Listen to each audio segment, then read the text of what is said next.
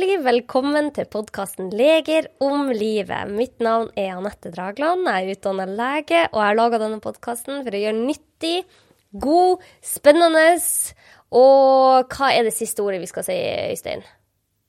Nyttig, spennende og anvendbart? Nei. Anvendbart! Det skal jeg begynne å bruke. Informasjon lett tilgjengelig for alle. Og med meg har jeg han Øystein Hellstrøm Hoddevik.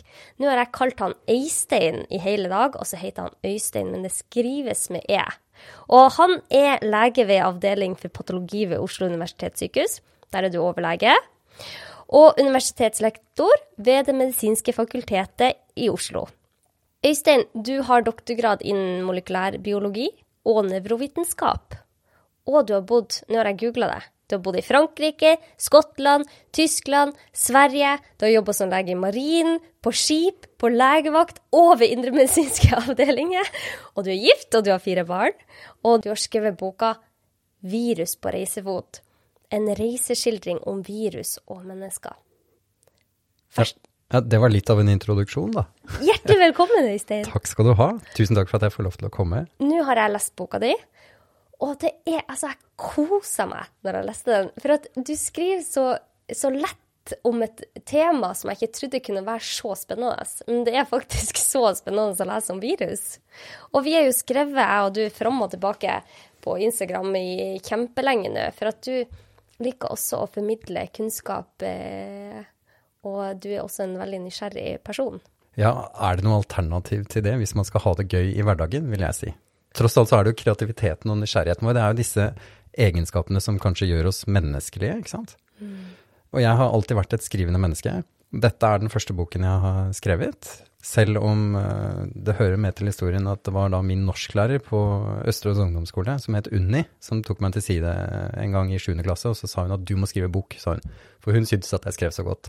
I syvende klasse? Ja, og så tok det jo da gode 25 år før jeg klarte å Eh, hva skal vi si, gjøre noe konkret ut av den formaningen. Men uh, det er den boken som du nå har lest. Da. Det var kjempegøy å skrive den. Det er ikke det viktigste, altså det jeg er mest stolt av. Da sier jeg som uh, en annen Øystein som du har hatt her i studio, ikke sant? når man skal introdusere noen, så sier han det jeg er mest stolt av, det er jo å være pappa. ikke sant? Det er barna mine. og da skal det sies at da jeg tok doktorgraden, og det er helt riktig, det var innen feltet molekylærbiologi og nevrovitenskap, så det var på det proteinet du har mest av i hjernen din. Men da var det en forsker som uh, gratulerte meg da jeg ble pappa første gang, og så sa hun gratulerer med din største suksess innen molekylærbiologien.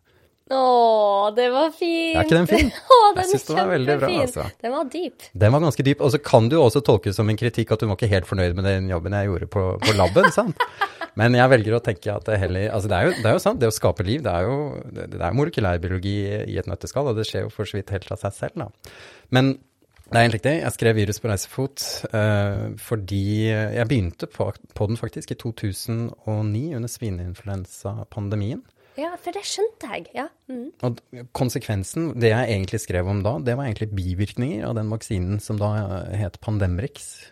For i etterkant av svineinfluensapandemien så var det flere som fikk denne tilstanden som heter narkolepsi, som da er en hjernesykdom. Brytende oreksin. Det er veldig spennende. Visst er det det. Ja. Og plutselig, sant, plutselig har vi en sprøyte som kan lage en sykdom, ja. på en måte. Det er jo en bivirkning som du ikke, som ikke var skal vi si, Du skal jo ikke ha bivirkninger ved vaksiner. Men det var utgangspunktet mitt, for da hadde jeg nettopp begynt som hjerneforsker.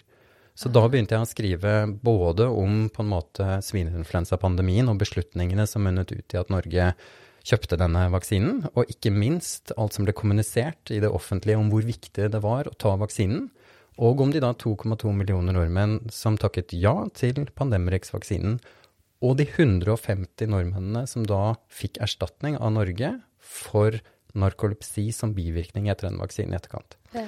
150 fikk det innvilget, men det var flere som søkte. Så jeg tror det var 800 søknader Norsk pasientskadeerstatning fikk. 650 av dem har da ikke blitt vurdert som uh, bivirkninger etter vaksinen og har dermed ikke fått erstatning. Nei. I kontrast så var det, tror jeg, 30 omtrent mennesker som døde av svineinfluensa i Norge. Ikke sant. Der har du utgangspunktet for hvorfor jeg skrev boken, egentlig.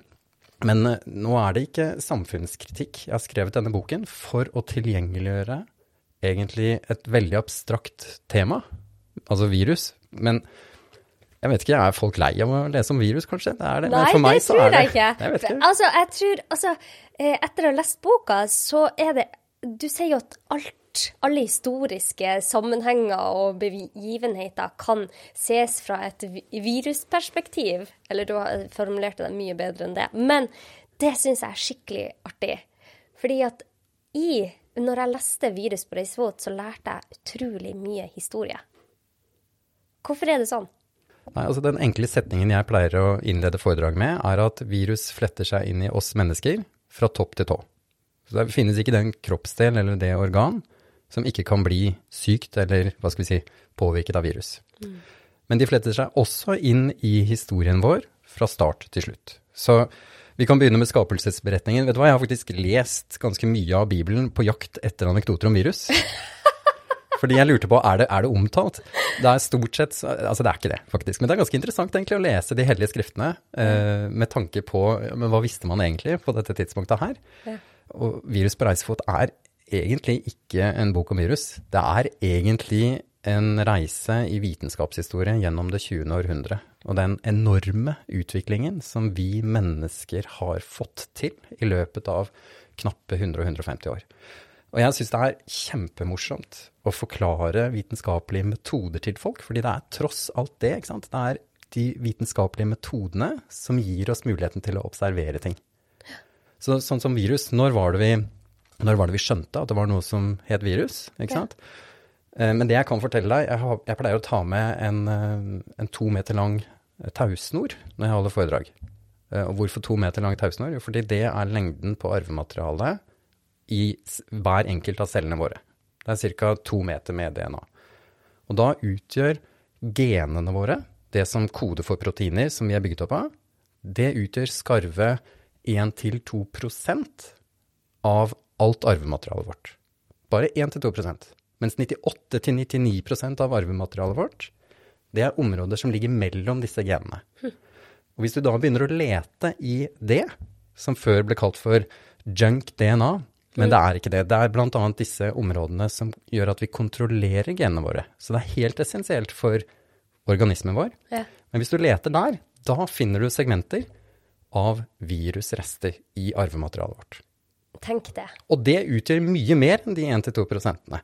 Fire ganger mer omtrent. 68 Ja, men hva gjør de, de sånne segmentene? Ja, Det er et godt spørsmål. Det er ingen som vet. Jo, altså, eller altså områdene mellom genene våre bidrar til genkontroll, blant annet. Men nøyaktig hvilk Altså dette her er jo et eh, Hva skal vi si, vi er jo et ganske komplekst vesen, sant? Vi har 25 000 gener omtrent. Men det er da, som sagt, i lengde så er det mye mindre enn områdene mellom. Det kan være spacere geometrisk. Jeg er ikke hva skal vi si, genetiker, så dette kan jeg ikke så mye om. Men det jeg konstaterer, er at vi har mer viralt arvemateriale enn hva vi har menneskelig. Så når du våkner opp, Annette, Anette, på morgenen og ser deg selv i speilet, så er det du ser på rent fysisk, det er jo genene dine. Men inni deg så er du også på en måte fire ganger mer virus enn hva du er menneske. Ja, du vet å sette det i perspektiv. Eh, så det er litt sånn eh, Men jeg tenker fra evolusjon, da. Virus og bakterier var vel her før vi mennesker var her. Helt klart. Helt klart. Eh, så vi har jo utvikla oss med bakteriene og virus og alle disse små organismene. Og vi, vi har jo måttet tilpasse oss de, ellers hadde jo vi dødd ut. Det er helt riktig, og det er derfor jeg begynte med skapelsesberetningen. For man kan jo da si at Adam og Eva de må også ha kjempet sine kamper mot disse usynlige fiendene. Ja. Det er jo noen virus som er såkalte retrovirus, og de evner da å integrere seg selv i arvematerialet til den cellen de kommer inn i. Og det er det som er resultatet av at vi sitter her i dag, egentlig. Vi har på en måte Altså de virusene som er en del av oss, eller virusfragmentene, de har på en måte skutt gullfuglen i evolusjonen. Fordi vi er den dominante arten her på jorda. Nå bikket vi åtte milliarder mennesker på jordkloden i løpet av året som gikk. Og de virusene som da har klart å integrere seg selv i oss, de er jo da unektelig en del av oss, da. Ja, de, ja, de, de vant. Eh, De ble konger av virus. Ja, det kan du si. OK, OK. Øystein, dette er eh, Det er veldig spennende å lese om de forskjellige historiske begivenhetene som man kan se i lys av virus, da. Og du sier det at virus fletter seg inn fra topp til tå. Men du sier også at det, det fletter seg inn i alt ifra skapelsesberetninger, geografi, politikk, fatigue, søvn, muskler, vaksinasjon eller verdenskrig. Virus er her en fellesnevner. Hva, hva betyr det? Hvordan kan dette være en fellesnevner? Ja, ja, ikke sant. Vi har hatt en Vi har snakket i gudene veit hvor lenge vi har snakket Annette, om at vi skulle treffes. Og så Ja. er det jo ulike virus som har eh, hva skal vi si, spent bein på planene våre. Ja. Vi ble influensasyke, og Ja. jeg fikk fatigue, ikke sant. Og norovirus har du hatt i hus, og da måtte vi av, av, kansellere en avtale. Åh, jeg unner ingen det. Men jeg tenkte at jeg, ikke sant, jeg hadde, før dette her, så har vi jo Vi har egentlig ikke laget en plan om hvilke kapittel eller hvilke virus vi skal snakke om. Jeg hadde egentlig tenkt å utfordre deg på at du kan si nesten hva som helst, så skal jeg i løpet av 20-30 sekunder klare å finne at det er relatert til viruset. Nå trenger vi ikke å gjøre det, men, men det er faktisk ikke tull engang, altså. La, skal vi ta Elon Musk, da? Ja, Vi kan ta, La oss ta Elon Musk. Ok, da kan vi begynne med det. Så han er veldig interessert i at vi skal bo på Mars. Ja. Men uh, hvis du tar eh, astronauter som har oppholdt seg eh, kortere perioder og opptil 180 dager i verdensrommet, de får reaktivering av herpes. Nei. Langt oftere enn hva vi som er her på jorden får reaktivering av herpes.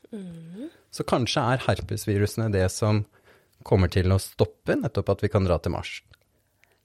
De overlever, men vi gjør ikke det. Ja, altså du har jo virus som integrerer seg i oss. Så jeg pleier å si at du kan, ikke sant, teoretisk sett så kan du ta av deg gifteringen, men herpesviruset som foræres deg gjennom et kyss, den infeksjonen, den varer livet ut. Ikke sant? Du blir ikke kvitt det viruset. Det ligger bak i nerverøttene dine, og så reaktiveres det med tid og stunder, sant?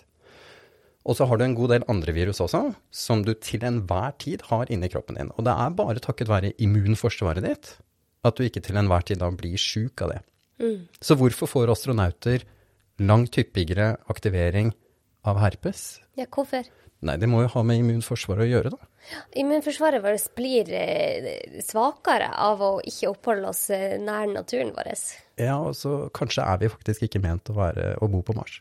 Det kan hende altså, Du burde si det her til han Nilan.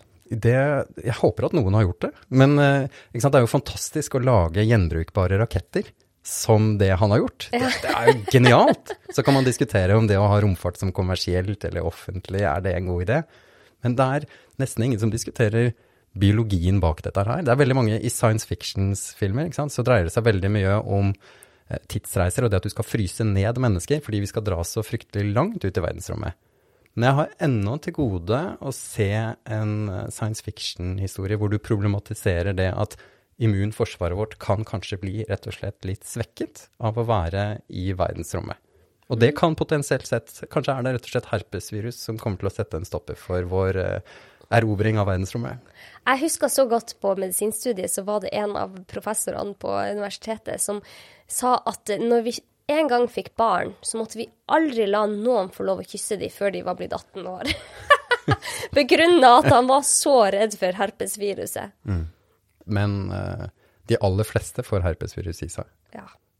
Du kan liksom ikke Men det er noen som blir Noen får langt mer reaktiveringer enn en andre. Det er to forskjellige varianter i det. Den ene varianten HSV er herpes simplex virus. Apropos, jeg sendte, eh, jeg sendte en e-post til Språkrådet her forleden fordi vi kaller det forkjølelsesår. Har du tenkt på det? Ja. Eller munnsår. Ja. Men det er herpes. ja. Så herpes høres jo det høres helt forferdelig ut. Men samtidig så eh, Eller det høres på en måte mer skittent ut, om du vil, enn et forkjølelsesår. Og på det, det engelske er cold sore, ikke sant. Ja. Men eh, så da lurte jeg Jeg sendte et spørsmål til Språkrådet, for jeg lurte på hva er da roten til at vi kaller det forkjølelsessår? Altså det er jo ikke forkjølelsesvirus som gir deg munnsår. Det er herpessår, ikke sant. Og da fikk jeg, et, fikk et svar tilbake med første setningen lød at dette var et interessant spørsmål. Dette syntes de var veldig morsomt. Og da skal det sies at i 1947 så skrev jo eh, daværende helsedirektør Carl Evang, han skrev vel det, at dette var for, forårsaket av forkjølelser. For du kan få utbrudd sant, av å ha Ja. forkjølelser. Så det er en, på en måte en empiri i det, altså at det er en erfaringsbasert eh, observasjon. At når du er forkjølet, så kan du få reaktiveringer av herpes. Sant? Så det kan hende at det er det. Men kort sagt så vet jeg ikke egentlig når forkjølelsesår dukket opp. Men det er fremdeles det vi sier. Og jeg tror at det er delvis fordi disse infeksjonene er mer skambelagte. Og i hvert fall når du tenker på at det følger jo våre seksuelle vaner. Så du kan få det på leppe fordi vi kysser hverandre. Ja. Og så kan du selvfølgelig også få det nedentil og få genital herpes. Ja, for det handler om slimhinnen. Ja, det er rett og slett det. Det er der det kommer inn i nervene, og så transporteres det videre innover til nerverøttene, hvor det da i praksis bor livet ut. Ikke bare sitt liv, men våre liv også. Men tenk det. tenk deg at det sitter virus i deg. Det må du ikke tenke på hele tiden, altså, for da, da får du ikke sove godt. Jeg vet at du er opptatt av søvn. Da kommer du til å ha mareritt resten av Vi- ditt liv. Nå skal vi ikke snakke mer om det. Dere får bare glemme det Anne Øystein har fortalt oss akkurat nå. Men vi har faktisk snakk om ekstremt mange tema som jeg og du, Øystein, kunne snakka om. Alt ifra Botox til eh, akvaporina. Altså, vi, vi er veldig nysgjerrige av natur. De fleste mennesker er jo det. Og jeg, jeg tenker at vi fant ut da at vi måtte begrense denne episoden til virus. Fordi at Ellers så sklir vi helt ut. Jeg har veldig lyst til å vite litt mer om dette med virus. Og du har lagt boka di opp som en historisk reise. Og det er så mange artige historier, annet av en nordmann. En nordmann var den første som man fant ut eh, hadde hiv. På det daværende tidspunkt Ja, på det da var han den første i verden som var kjent med det. Men i etterkant har man funnet eldre historiske kasus. Men historien om den norske sjømannen forblir verdenshistorie fordi det munnet ut i det første vitenskapelige beviset for at aids-epidemien stammer fra Afrika. Ja. Kan ikke du fortelle den historien? Jo, det kan jeg godt. Den starter da med eh, Som sagt så heter den han, han omtales bare som Den norske sjømannen. Og dette var en eh, Han var Hvor gammel var han? Var han 15 eller 16? Ja. Han var førstereisgutt. Ja.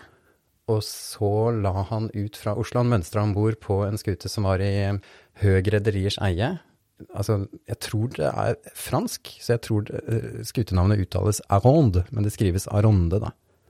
Så motor, eh, altså MS Høg Aronde legger ut fra, eh, fra Oslo, og så skal de nedover til Vest-Afrika, hvor mannskapet får landlov, blant annet da i Douala i Kamerun. Og nå er vi på 60-tallet, slutten av 60-tallet ja. det som er litt morsomt med dette her, er også, synes jeg, å belyse det at uansett hva du gjør, uansett hva du jobber som, hvis du gjør jobben din godt nok, så, så blir det alltid bra. Og en kaptein har et ansvar om å skrive skipslogg. Ja. Det høres kanskje ut som en banalitet, men det at denne kapteinen skrev en ordentlig skipslogg og loggførte hvor mannskapet hadde fått landlov, det er en nøkkelfaktor for at man flere år senere, mot slutten av 1990-tallet, klarte å finne ut at det var akkurat i den byen at denne mannen faktisk ble smittet av et hiv-virus. Og det ble da beviset for at hiv-pandemien utgikk derfra. Så han fikk dryppert, eh, den klassiske gonoré-sykdommen, eller det er det det beskrives som på folkemunne. ja. Som er i økning i Norge i dag. Det er det også, det er en bakterie, da. Det er ikke et virus. Men du får ikke dryppert helt av deg selv. Du må ha interagert med noen for å få gonoré, altså for Ja. å smittes på det viset. Så vi vet at han var seksuelt aktiv. Nøyaktig hvordan omstendigheter rundt det, det vet vi ikke. Og vi vet hvilke, hvilke havneanløp som mannskapet hadde vært i land. Så han kommer hjem til Norge, mønstrer av denne skuta, og så fortsetter han etter hvert sitt virke som langdistansesjåfør, mener jeg husker. Så han var i praksis overalt i Europa. Transporterte flere ting nedover til Italia blant annet, og i Tyskland. Og så gifter han seg, og han får tre barn. Og etter hvert så blir kona hans og det yngste barnet, ikke de to eldste, de blir alvorlig syke. Og de sykdommene de får, er ikke vanlige, for å si det på den måten. Så de blir mye sykdommer av eh, andre smittsomme sykdommer enn hva man kan forvente av friske mennesker. Og yngstedatteren er jo Nå husker jeg ikke årstallene i hodet, men hun er ikke gammel da hun dør. Altså hun har ikke rukket å fylle tror- ti år. Nei, nei, ja, hun var ung i hvert fall. Ja. Jeg tror hun var sju eller åtte år da hun døde. Og da hadde hun hatt gjentatte lungebetennelser. Og moren og faren de dør også før de har rukket å fylle 30 år. Og faren er jo dement når han dør, og inkontinent. ikke sant? Så det er helt tydelig at her er det et eller annet alvorlig til grunn liggende. Han var jo dement og inkontinent i 40-årene eller noe sånt, altså det var Ja, nei, veldig det var- tidlig. Ja, enda tidligere, tror jeg. Men Ja. det var fellesnevneren her er det at de har i praksis en immunsvikt. Ja. Og så er spørsmålet hvordan er det mulig? Fordi immunsvikt kan man jo få hvis det er medfødt, men her er det jo en mann som har giftet seg med en kone, de er ikke beslektet, og så har de fått barn. Ja. Så mannen og kona har jo da fått immunsvikt uten å være i slekt med hverandre. og Det betyr med andre ord at det er nesten ikke noe alternativ. Dette må være smittsomt. Og det er det det koker ned til til slutt. Men de dør, og på dette tidspunktet, dette her er før de homofile i USA har nådd medienes søkelys. Yeah. Så det er før aids eksisterer som et konsept. Yeah. Så de dør av det som tilsynelatende er en smittsom immunsvikt. Den som har vært toneangivende dette, er også Stig Sofus Frøland, som eh, var og er professor ved Rikshospitalet, og som på en måte fulgte denne sjømannen eh, via først om Han møtte ham da, da sjømannen var eh, tjenestepliktig. Og da var, avtjente også Frøland sin verneplikt, tror jeg. Og så begynte Frøland å jobbe på Rikshospitalet, og, og, jobbet da med nettopp immunsvikt, og tok doktorgraden sin på å lage prøver for å sjekke om immuncellene fungerer eller ikke. Og så presenterer da datteren sant, til sjømannen med disse immunsviktsymptomene, og så klarer de å påvise nettopp at hun har immunsvikten, og sjømannen har det, og kona har det også. ikke sant. Ja. Så kort sagt så dør disse tre, de blir obdusert, og man konkluderer med at ja, er, de har hatt en immunsvikt, eh, men vi vet ikke hvorfor. Og så, noen år senere, da først begynner de homofile i USA å dukke opp. Og eh, vi er født på 80-tallet begge to, og dette var fram, altså Min far jobbet som virolog på Folkehelseinstituttet, og da han valgte det som yrkesretning, så ble han jo fortalt at det var det dårligste karrierevalget han kunne gjøre. Det var på, på 60-70-tallet, fordi vi hadde jo forstått alt av smittsomme sykdommer. og så plutselig så dukker aids opp som sykdom, og så går det tre år før man klarer å isolere viruset som forårsaker sykdommen ervervet immunsvikt, som eh, aids står for. Ja. 1983 eller 84, tror jeg det var. Jeg syns det også er ganske illustrerende. Hvis du tenker på koronaviruset som forårsaket covid-19 nå, så Ja. tok det bare dager til vi ikke bare hadde vist viruset, men hadde lest av hele virusets arvemateriale. Altså det er dager til uker, og så er det ett klikk med en e-post, og så har hele verden i praksis arvemateriale til viruset som forårsaker pandemien. Ja. På 1980-tallet så hadde vi ikke de verktøyene i det hele tatt. Så du måtte lete etter viruset opp.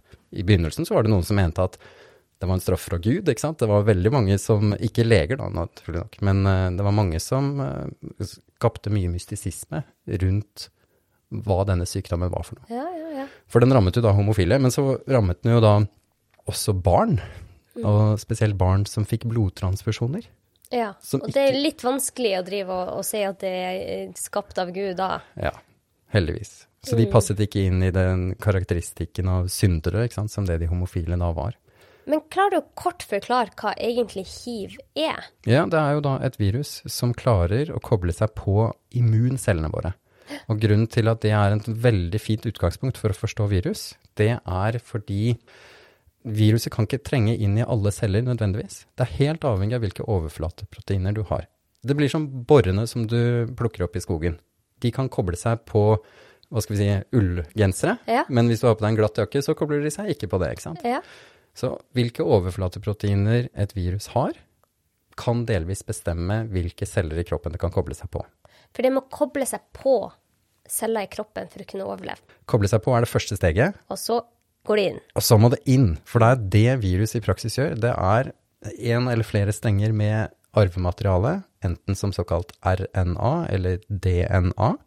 Men det de gjør, det fellesnevneren for alle virus, er at de er helt og holdent avhengig av våre celler, eller andre celler, for å kapre det maskineriet som våre celler har, til å lage proteiner. Husker du, leste du, eh, du som var født på 80-tallet, de der bøkene om de der aliens som gikk inn i øret ditt, og så tok de over deg? Leste du de? ja, jeg lurer på det. Det var kjempespennende. Hva var det den het, den bokserien der? Men jeg føler at det er litt sånn De går inn i cellen, så begynner de å styre cellen. Det, det er skikkelig creepy. Det er jo det. Jeg er enig i det. Du, når du begynner å tenke på denne molekylærbiologien her, da, så kan du få reelle mareritt av det. Det har jeg skrevet i boka. Jeg skrev det at morsomt, for jeg, jeg, utgangspunktet mitt var som sagt at jeg, jeg, ønsket å gi folk tilgang til et abstrakt fenomen, Ja. sånn at de ikke skal bli så redde for det. Ja. Men i praksis så har jeg jo beskrevet sykdommer som har 100 dødelighet. Når du får symptomer på en rabies-virusinfeksjon, ja. Da det er 100% dødelighet. Da er du ferdig. Da er du ferdig. Og det var jo ei, en norsk kvinne, og det var jo i Nord-Norge. Mm. Jeg husker jeg jobba på um, i UNN i Tromsø når hun ble lagt inn. Eh, og hun eh, fikk jo rabies i utlandet. Ja, det er helt riktig. Jeg tror hun ble smittet på Filippinene. Dette her er jo også offentlig kjent. Det er derfor vi kan Ja, sitte her og det er diskutere derfor det. vi kan snakke om det. Så det er publisert i Dagbladet og i Verdens Gang. Ja, en ung norsk kvinne som var på ferie, og som kom over en forkommen valp som hun forbarmet seg over og tok med seg hjem. Mm. Og den valpen, den eh, ikke sant, Rabies er jo Noen av dyrene som har rabies, de blir aggressive og biter. Det er jo sånn, Apropos det å manipulere atferden vår, det er et ekstremt skremmende virus. Fordi De klarer å manipulere atferden din ja, til sånn at du skal smitte andre. ja det, Det er helt vilt. endrer atferden din til nettopp det som gjør at viruset smitter videre. Så først så trenger de seg inn i nervene dine, videre derfra inn i hjernen. Endrer altså hvor aggressiv du er, og så gjør det deg også fryktløs, sant? Og så fortsetter transporten ut til spyttkjertlene dine, og konklusjonen er en hund som har munnfråde, og som har lyst til å bite, og ikke er redd for å gjøre det. Velkommen til eh, science fiction, eh, hva skal vi si, i virkeligheten. Men hiv-viruset, altså ikke sant, rabiesvirus, herpesvirus, de trenger inn i nervene våre. sant? Hiv-viruset kobler seg på noen av immuncellene våre, og de kobler seg helt konkret på de cellene som på en måte er orkesterlederne. Og det er derfor du får immunsvikten av det. Fordi de ødelegger ikke hele immunforsvaret ditt, men de ødelegger de cellene som eh, koordinerer immunforsvaret. Derfor så får du en immunsvikt. Ja. Nettopp. Så hva er forskjellen på en bakterie og et virus, da? Ja, vi kan begynne med spørsmålet er virus levende eller døde? Ja, det er et Hva tenker du? Hva tenker du? Er, de, er virus levende, eller er de døde? Ja, de er jo levende. Men de er på en måte ikke det også. Ja, men de klarer jo å jo. Ja, hva, hva er svaret her? Nei, det er jo ikke noe fasit, men du kan si at på en måte så kan du argumentere for at hvis en viruspartikkel så La oss ta norovirus, da. Dere hadde omgangssyke her i heimen. Ja. Jeg har også hatt det. Alle har vel hatt det. Ja, hvem har ikke det? Er verdens mest ubrukelige virus, det Ja. der greiene der. Eh, som faktisk bare rammer oss mennesker. Så skulle nesten ha trodd at under nedstengningen nå under covid-19-pandemien, så tenkte jeg i mitt stille sinn kanskje vi kan klare å kvitte oss med norovirus nå. Men så har du noen som er bærere av det, da faktisk. Blant annet de som er immunsupprimerte. Nei, Tro det eller ei, ja, de blir bærere av norovirus. nei. Noen av dem, ikke alle.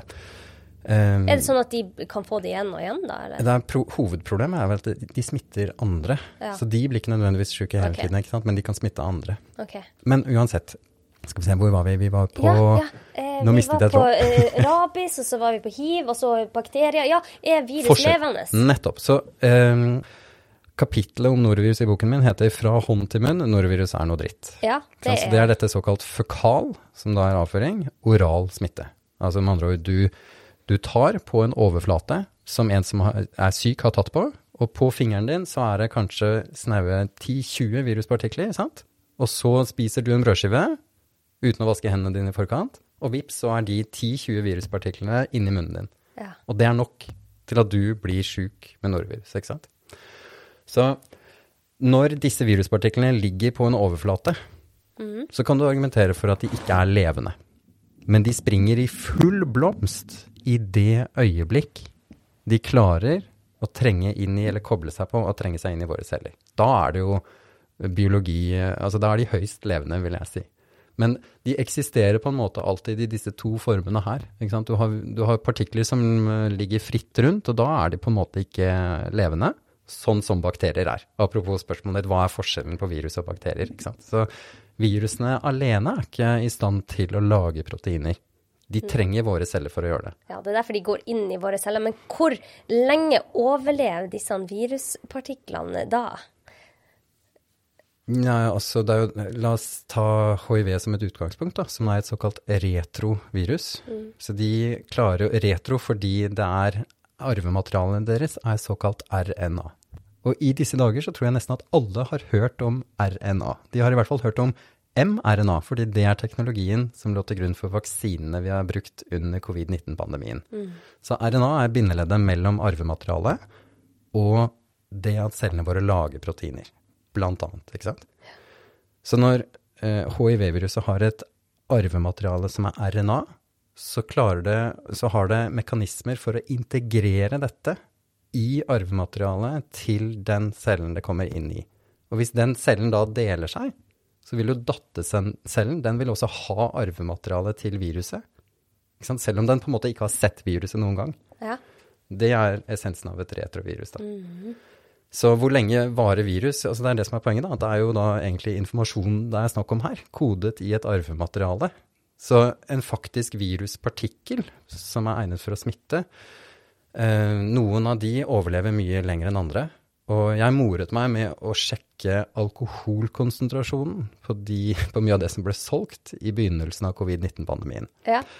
Og det, der, var det mye, der var det rubbel og bit. Det var, som, eh, det var, det var noen som solgte ting som skulle være nesten opp mot 96 eh, ja. Eh, de seriøse aktørene de selger da noe som er ca. 70% Det er Nei. det optimale. Jo, men det er det optimale, skjønner du. Oh, ja. Det er det som er greia. Oh, ja. Men du fant også ting som hadde 50 alkoholinnhold. Ja. Og det er i praksis helt ubrukelig. Nei. Men det er morsomt, fordi du må faktisk, for å forstå hvorfor alkohol hjelper Apropos er det jo håndvask er det som er aller, aller best, ikke sant? hvis du skal bli kvitt ting. Sagt på en annen måte, hvis du har skitne hender, så kan du smøre hvilken krem du vil på hendene dine, men du får ikke bort det som er skittent, ikke sant? Nei. Og såpe er også denaturerende for proteiner, altså at det, det ødelegger måten proteinene er foldet på. Så det å bruke såpe er en veldig god idé. Ja. Men alkoholen i seg, hvis den skal ha en effekt, så er det faktisk best med 70% alkohol, cirka. Hvis det blir for mye, så tar det bare å ødelegge litt av overflaten til noen av disse virusene. Men det ødelegger ikke, ødelegger ikke da hele. Det gjør ikke at den sprenger, eh, sprenger opp. Så 70% alkohol er det som faktisk er best. Så vi drev og smurte oss med sånne desinfiserende Geleer som ikke hadde noe for seg. Hadde veldig mye glyserol i seg, noen av disse tingene, men det var, det var ikke tull engang. Altså var, jeg fant ting på butikken som hadde 50% alkohol, og det var jo nesten en kamp ikke sant, om å få kjøpe disse tingene. Ja, ja, ja. Fullstendig ubrukelig. Tenk det! Det er eh, OK, vi skal gå over til covid etter hvert, for det er litt interessant. Men hva var forskjellen på virus og en bakterie? Ja, de ene er, Virus er jo potensielt De eksisterer som døde og av og til levende partikler, og er fullstendig avhengig av celler for å kunne eksistere. Ja. Mens bakterier, de er jo ja, de er kapable til å lage sine egne proteiner. Så de er høy, i aller høyeste grad levende. Og de har cellemembraner, men de har også virus, ikke sant? Så det er, det er jo likhetstrekk mellom disse tingene også. Men virusene må inn i våre celler for å kunne gjøre jobben sin. Ja, Å gjøre jobben sin, det betyr jo at de kopierer seg selv opp. At de lager nye viruspartikler av ja. seg selv. Og for å gjøre det, så må de kapre egentlig hele cellemaskineriet. Cellene våre er jo fabrikker. De eksisterer der for å lage proteiner, som også virus består av. Men ja. virusene klarer ikke bare å kopiere seg selv, nei. De er avhengig av å trenge inn i celler. Og da er det egentlig veldig passende å snakke om den største verdenskrigen av dem alle, som går under radaren hver eneste dag. Den, er, den pågår fremdeles, og det er verdenskrigen mellom virusene og bakteriene. ja, fordi det er ikke så rart. Altså, virus er egentlig evolusjon på høygir. Ja. Så du kan ikke snakke om virus uten å, uten å dukke, dykke ned i evolusjonsbiologi og evolusjonslære. Mm. Så noen av de virusene som det finnes aller flest av, det er såkalte bakteriofager. Og hva er det for noe? Ja, Apropos, nå har, vi vært, nå har vi snakket om Elon Musk og Mars, og vi har ikke snakket om månelandingsfartøy ennå, men en bakteriofag ser akkurat ut som det første månelandingsfartøyet til NASA. Så det har sånne gripearmer ja, som kan gripe tak i ting. Det er nesten litt som en blekksprut. Bortsett fra at det er kantete, så det ser mye mer aggressivt ut. Ja, det, sånn, ja, det ser veldig farlig ut. Ja, og det kan være det også. Men dette skaper ikke så mange sykdommer hos oss mennesker. Nei, det er bra. Men de er laget for å koble seg på bakterier, og det er det som er poenget med evolusjon. At hvilke cellemaskiner, altså hvilke celler er det som finnes der ute som er tilgjengelige for virus? Det er jo massevis av bakterier. Vi består jo mer av bakterier ikke sant, i tarmen vår enn hva vi har celler i kroppen. Ja. Vi har ca. er det ikke omtrent 37-38 billioner celler i kroppen, ikke sant? men det er flere bakterier i tarmen din. Ja, tenk det. Og da kan du tenke deg i verden for øvrig, så er jo tilgangen til på en måte proteinproduksjon for virus den, jo, den, finnes jo i bakterier. Vi er jo på mange måter en parentes, egentlig, mm. sammenlignet med uh, det forrådet sant, som bakteriene utgjør for virus. Så det er verdenskrigen da, som vi nesten ikke snakker om i det hele tatt, men det er da krigen mellom virus på den ene siden og bakteriene på den andre. Og det munnet ut i en nobelpris i 2020, som ble gitt til Emmanuel Charpentier, som er fransk, og til Jennifer Downa, som jeg tror er amerikansk, for å ha laget et genredigeringsverktøy. Altså de har laget et verktøy som gjør at vi nå kan faktisk manipulere arvematerialet vårt veldig presist. Men hva er det? Det er det som heter CRISPR. Ja. Men hva er CRISPR? Det er bakterienes forsvar mot virus. Jaha. Mm. Utdyp. Hvis bakterier blir angrepet av virus, så, så, lagrer de på en måte arvematerialet til de virusene de har bekjempet. Ja. Og så lager de da i praksis Altså CRISPR er, eh, finnes i arvematerialet til bakteriene, og det er et målrettet angrepsverktøy mot virus, da. Jaha. Og nå har vi mennesker skjønt dette, og da kan vi bruke det til å spesifikt lage sekvenser som muliggjør genredigering hos egentlig alt. Ah, men det er skummelt. Men det begynner med verdenskrigen mellom virus og bakterier. Men du snakker om bakteriofager. Ja. Hvordan er de forskjellige fra andre virus? Ja, på mange måter. Også hvordan de ser ut. De fleste virus ser jo ut som en, en liten ball med pigger på. Ja. Så jeg tror kanskje at det portrettbildet folk så aller mest i løpet av de siste to årene, det er det derre bildet av Eh, SARS-CoV-2-viruset. Ja. Apropos det, det er også en ting det syndes mye mot. Virus har ett navn, og de kan lage en sykdom som da ofte har et annet navn. Så hiv, humant immunsviktvirus, forårsaker sykdommen ervervet immunsvikt, eller acquired immune deficiency, altså aids. Mm. SARS-CoV-2 forårsaker sykdommen covid-19. Mm. Og nå med omikron, så kanskje skal vi etter hvert begynne å kalle den for covid-23, jeg vet ikke. Det, det, må jo være når sykdommen har endret seg betydelig, da, ikke sant. Så jeg går og venter på at det kommer en ny covid som er i praksis en forkjølelse. Det hadde vært fint. For da er i hvert fall pandemien slutt. Åh, oh, det hadde vært deilig. Det hadde vært deilig. Så virus er et navn, sykdommen det forårsaker har et annet navn. Mm. Og bare der begynner det å bli ganske abstrakt for veldig mange. ikke sant? Så en av grunnene til at virusviten er lite tilgjengelig folk, er fordi det er jo akronymer og vanskelige ord overalt. Og for egentlig å kunne forstå virus, så mener jeg at du må også ha et visst innsikt i cellebiologi. Du må forstå hvordan cellene dine fungerer. Og så må du, for vår del, så må du forstå sykdommene de lager, da. Og så må du egentlig være historiker og litt sånn geografiker også for å forstå liksom reisemønstrene her. Så den norske sjømannen ikke sant, som ble smittet da av et hiv-virus, unektelig gjennom seksuell aktivitet i Duala i Kamerun på 60-tallet, han døde. Og så tok man vare på materialet fra obduksjonene. Og så dukket altså de homofile opp på 1980-tallet. Vi klarte å isolere et virus det første navnet på hiv var faktisk lymfadenopativirus. Lymfadenopati det betyr bare at du har forstørrete lymfeknuter. Så man klarte å isolere et virus fra lymfeknutene til en som hadde såkalt lymfeknutesvulst, altså at lymfeknutene er forstørra. Det ble gjort da i, i, Frankrike. ble det gjort. Og da tok Frøland og medarbeidere fram materialene på nytt og lette. Og de lette da De brukte antistoffer som kom fra USA, for å se kan vi, kan vi få dette til å binde seg til vevet. Kan vi finne tegn til dette i den norske sjømannens uh, familie? Og svaret på de første prøvene var nei, skuffende nok. Og hvorfor ikke det? Det var fordi det viruset som den norske sjømannen hadde blitt smittet av, fått infeksjon med og døde av, det var en annen variant enn det hiv-viruset som sirkulerte i USA. Ja. Og derfor så er det veldig elegante her at etter hvert som 90-tallet skred frem, så fikk vi nye verktøy for å studere arvematerialet. Og det munnet altså ut nettopp i den forståelsen at dette var en annen hiv-variant som på en måte forutgår den som spredte seg i USA. Ikke sant? Det er ganske stilig. Mm. Og det begynner med en norsk sjømann som er førstereisgutt. Han er ikke myndig engang. Men eh, kapteinen gjør jobben sin, fører skipsloggen, og de norske forskerne som han møter deretter, tar vare på materialet, sånn at man kan gå tilbake igjen og undersøke dette også etter den norske sjømannens død.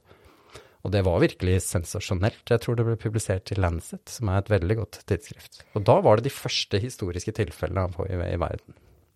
Det er kjempeartig, og det er, jo, det er jo litt morsomt at han der Frøland fant ut at han skulle ta vare på Han var vel turnuslege når han starta med det, eller? Ja, men eh, alle Jeg har lest eh, boken til eh, Frøland hvor han snakker om dette. Mm.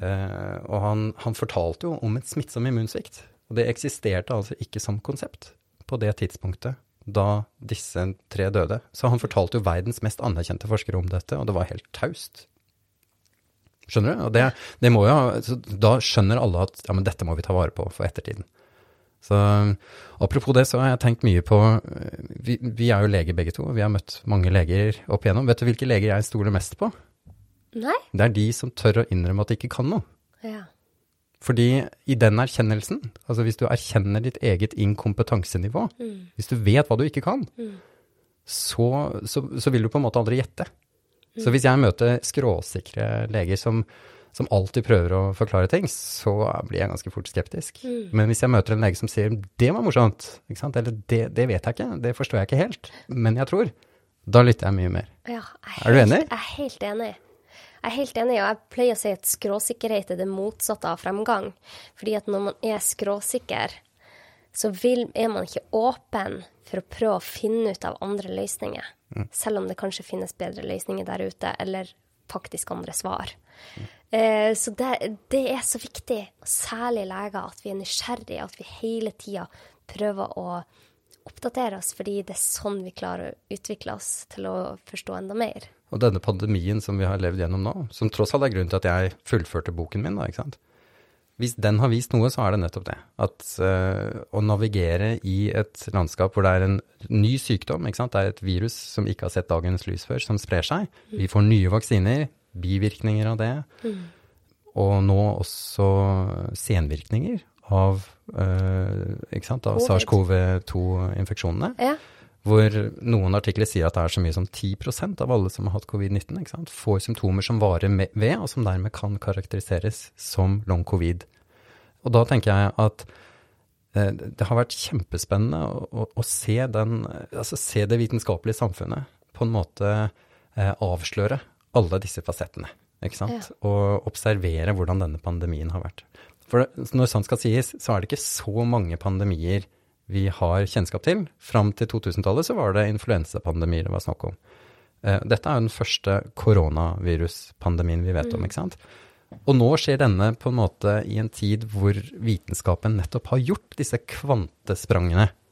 Rett etter andre verdenskrig så visste vi ikke engang hva arvematerialet var. ikke sant? Da Watson og Crick i 1953 eller 54 fikk nobelprisen for det, ja. så betød det at ja, men nå skjønner vi hvordan protein er kodet. Ikke sant? Så og hvis du går enda lenger tilbake inn i tid, når klarte vi å se virus for første gang? Da trenger du et spesielt mikroskop. Da trenger du elektronmikroskop. For virusene er så små. SARS-CoV-2 har en diameter på ca. 100 nanometer. Mm. Og da et knappenålshode, det er 1 millimeter. Blir ikke det sånn ca. 10 000 eh, viruspartikler? Som står på rekke og rad. Der har du diameteren av et knappenålshode. Mm. Men de er knøttsmå, og lysets bølgelengde er ikke tilstrekkelig for å kunne se dem i lysmikroskopet. Så det måtte et elektronmikroskop til for å kunne se dem. Ja. Og det ble laget først i 1938, tror jeg det var at uh, tyske produsenten uh, Var det ikke Siemens, må tro, som lagde det første elektronmikroskopet? I Norge så fikk vi først elektronmikroskop på 50-tallet. Men altså, vi snakker 1930-tallet og 1950-tallet før vi så virus for første gang. Ja. Fram til da var de helt abstrakte. Vi visste ikke engang hva arvematerialet var, ikke sant, som virus er laget av. Like fullt så begynner historien om vår forståelse av virus. Den går tilbake til eh, Altså, vi kan ta Edvard Jenner i 1796, som lagde den første egentlig vaksinen.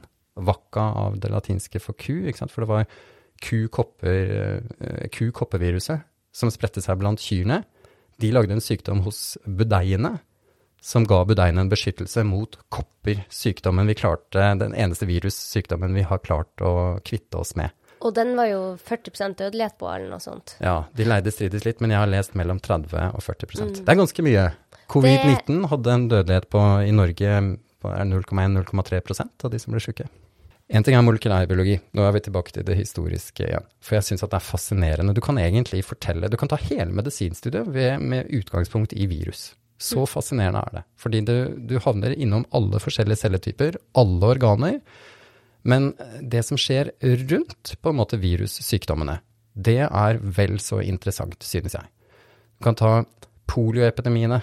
Vi har ikke polio i Norge. Det har vi, apropos barnevaksinasjonsprogrammet, det, er, det, forebygger vi fullstendig. Takk og lov for det. Takk og lov for det. ikke sant? Så folk ble jo lammet. Det var også et virus som stort sett er i tarmen, men i noen så trenger det over i blodbanene, og i noen av de så hefter det seg på musklene, og derfra så finner det veien inn i nerverøttene, og så kan det komme inn i ryggmargen din og gi deg lammelse. Ja. Så polio var jo da en sykdom som ga lammelser, ikke sant. Mm. Helt forferdelig. Det har vi ikke i Norge. men når du da tenker på de motoriske nervene som går ut fra ryggmargen, så er det noen av de som gjør at du puster. Som gjør at du kan bevege mellomgulvet ditt. Mm. Så etter polioepidemiene så hadde vi jo pasienter som eh, hadde pusteproblemer i langt større grad enn før. Og det var, som jeg har blitt fortalt av anestesileger jeg kjenner, det var det sterkeste insentivet for å lage pustemaskiner som noensinne har vært. Ja. Så pustemaskinene som vi nå bruker på intensivavdelingene, mm. er, vil jeg påstå, en konsekvens av virusherjinger med oss, og da i dette tilfellet poliovirusene. De samme pustemaskinene er de vi bruker for å behandle pasienter som har alvorlig covid-19 nå, ikke sant. Ja, tenk det. Og hva med, hvis jeg skal ta en annen anekdote, du har hørt om Henrik Ibsen, han har hørt om. Mm. Har du hørt om Bjørn Ibsen? Ja, for jeg har lest boka di. Ja, du har lest boka. ja, liksom, Bjørn Ibsen han var anestesilege i København på mm. ja, Jeg er dårlig på dansk, altså, men jeg, Blege Dam heter, skrives det, men jeg tror det uttales Blei Dam, tror jeg. Ja. Det betyr å bleke, så jeg tror at dette hospitalet lå i en sånn gate hvor de bleket tøy av et eller annet slag. Og der var det, dette mener jeg husker var på 50-tallet, 52, så hadde København de opplevde et utbrudd av poliovirus, hvor det var ekstremt mange pasienter som ble lagt inn. Jeg tror opptil 300-400 hadde pustevansker og måtte øh, få såkalt øh, manuell ventilasjon. For på det daværende tidspunkt så hadde de jo ikke pustemaskiner, sant. Og det Bjørn Ibsen gjorde da, som da var anestesilege, for første gang så tok han da, istedenfor å bare være på en måte kirurgenes håndlanger, så tok han sin viten ut av operasjonssalen, inn på medisinske avdelinger, og så hjalp han disse pasientene med å puste. Og det er fødselen til moderne intensivmedisin. Hvordan gjorde han det? Nei, altså du må jo da dels bedøve dem og gi dem muskelavslappende, ikke sant. Og så må du da gjøre det manuelt. Mm. Manuelt manus betyr vel hånd, gjør det ikke det? Altså manuell ventilasjon, det betyr jo da at du klemmer pustebagen sammen. Da skal man bli bra sliten etter noen minutter. Det er helt riktig. Og du kan tenke deg 340 mennesker som ligger på rad og rekke og som trenger dette her kontinuerlig. Hvor mange trenger du da? Du, du holder jo på til krampa tar deg, ikke ja. sant? Og hvem er det du da har som er unge og friske å ta av? Medisinstudenter. Så medisinstudentene i København, de, ta, de ble da ventilatører, sånn jeg forstår det. Og hvis jeg, sånn jeg har lært det av, eller blitt det fortalt av eh, kolleger jeg kjenner som har studert i Danmark, så var det der og der, det var situasjonen som gjorde at danske leger ble veldig flinke til å forhandle lønn. Ah. For de sto jo der og jobba til krampen tok dem, ikke sant. Men, og så begynte de da etter hvert å skjønne at ja, men dette her må vi jo faktisk betalt, ta betalt for. Så det avstedkom eh, reell hva skal vi si, fagforeningsstyrke også. Så det utbruddet på 50-tallet av polio i København, det gjorde at moderne intensivmedisin ble født, og så gjorde at danske leger ble drivende dyktige til å forhandle lønn, har jeg blitt fortalt. Så du kan ta hvilken anekdoter som helst. Dette er så morsomt, Øystein, og vi kan snakke for alltid, vi. vi har vært innom veldig mye spennende. Og du, en dag så skal vi møtes, og så skal jeg bare si ti begivenheter, og så skal du se det i et virusperspektiv. Det er greit. Det var skikkelig artig å snakke med deg. Du er en mann med utrolig mye kunnskap og veldig god hukommelse. Jeg husker så mye, jeg er imponert. Eh, men før vi legger på for dagen, så har jeg veldig lyst til å spørre deg om et spørsmål. Du har lest veldig mye. Du har tenkt og filosofert veldig mye. Du har en veldig fin eh, Instagram-kanal der du ja, Du deler veldig mye bra. Det er på doktor Øystein, ikke sant? Med det stemmer. E. Ja. Doktor.øystein. Ja. Jeg var jo ikke på Instagram før jeg skrev boka. Men nå er jeg det, da. Så ja. nå deler jeg Og nå er jeg en 40 år gammel gubbe som tør å si det jeg mener. og det er herlig. Så jeg har lyst til å spørre deg et siste spørsmål. Hvis du måtte forlate verden i dag, men du hadde tre ting du skulle fortelle alle her i verden. Skulle du få lære alle før du forlot. Men Per Fugli har jo allerede sagt dette her, vi kan ikke si det bedre enn det Per Fugli sa. Ta vare på flokken din, sa Per Fugli, sa han ikke det? Jo, det sa han, og det var så fint. Tre ting generelt, da. Ikke, og nå tenker du ikke virus. Generell livsvisdom. Men jeg er ikke en livsviten... Jeg er ikke en ja, guru, kan, jeg, altså. Da kan du gå til virus, hvis du vil. Ja, nei, ok. Uh, du kan f.eks. For fortelle at norovirus det, det, kan faktisk smitte over 48 timer etter siste Ja, du finner viruspartikler i to uker omtrent. 10-14 dager er vel gjennomsnittet med viruspartikler etter at du har blitt frisk. Men hvorfor skal man da være borte bare i to dager? Ja, nei, altså de, det mye forsvinner, da. Ikke sant? Det forsvinner ned. Så dette her gjelder jo ikke alle. Alt er såkalt normalt fordelt. Ja. Men eh, ja, de 48 timene altså Desto lengre du venter, desto mindre viruspartikler. Men gjennomsnittlig så finner du også viruspartikler i 10-14 dager eh, etter at du har blitt frisk av norovirus. Oh. Håndhygiene er nøkkel her, da, ja. egentlig. Nei, tre ting som er viktig. Mm. Uh, da vil jeg si dyrk kreativiteten og nysgjerrigheten din. For da blir livet ganske gøy, mm. egentlig. Og så er en annen ting, apropos boka. Har, vet du, det, har, det, har, vært en nøkkelåpner, dette her, egentlig, for min del. En ting var å skrive boka, for det syns jeg var gøy. Men uh, hvis jeg ikke hadde skrevet den, Anette, så hadde jeg aldri blitt invitert til deg her i dag, ikke sant? Så det har vært Det, det å omgi seg med positive mennesker, jeg eh, trodde aldri at jeg skulle si dette her som en 43 år gammel eh, grinebitter, men altså, det er utrolig hyggelig å ha liksom, plussvarianter av mennesker rundt seg. Ja. Så redaktøren min f.eks., og hva skal vi si, uh, alle som jeg har møtt da, på min vei, journalister bl.a. i P2 Ekko har jeg vært uh, tre ganger. Jan Erlend Leine som er der. Jeg hadde aldri møtt Jan Erlend hvis det ikke hadde vært fordi at jeg hadde skrevet denne boka. ikke sant? Så det å liksom gjøre det du syns er gøy, vet du hva, da tenderer det til å bli bra. Fordi du nettopp legger sjela di litt mer i det. Mm.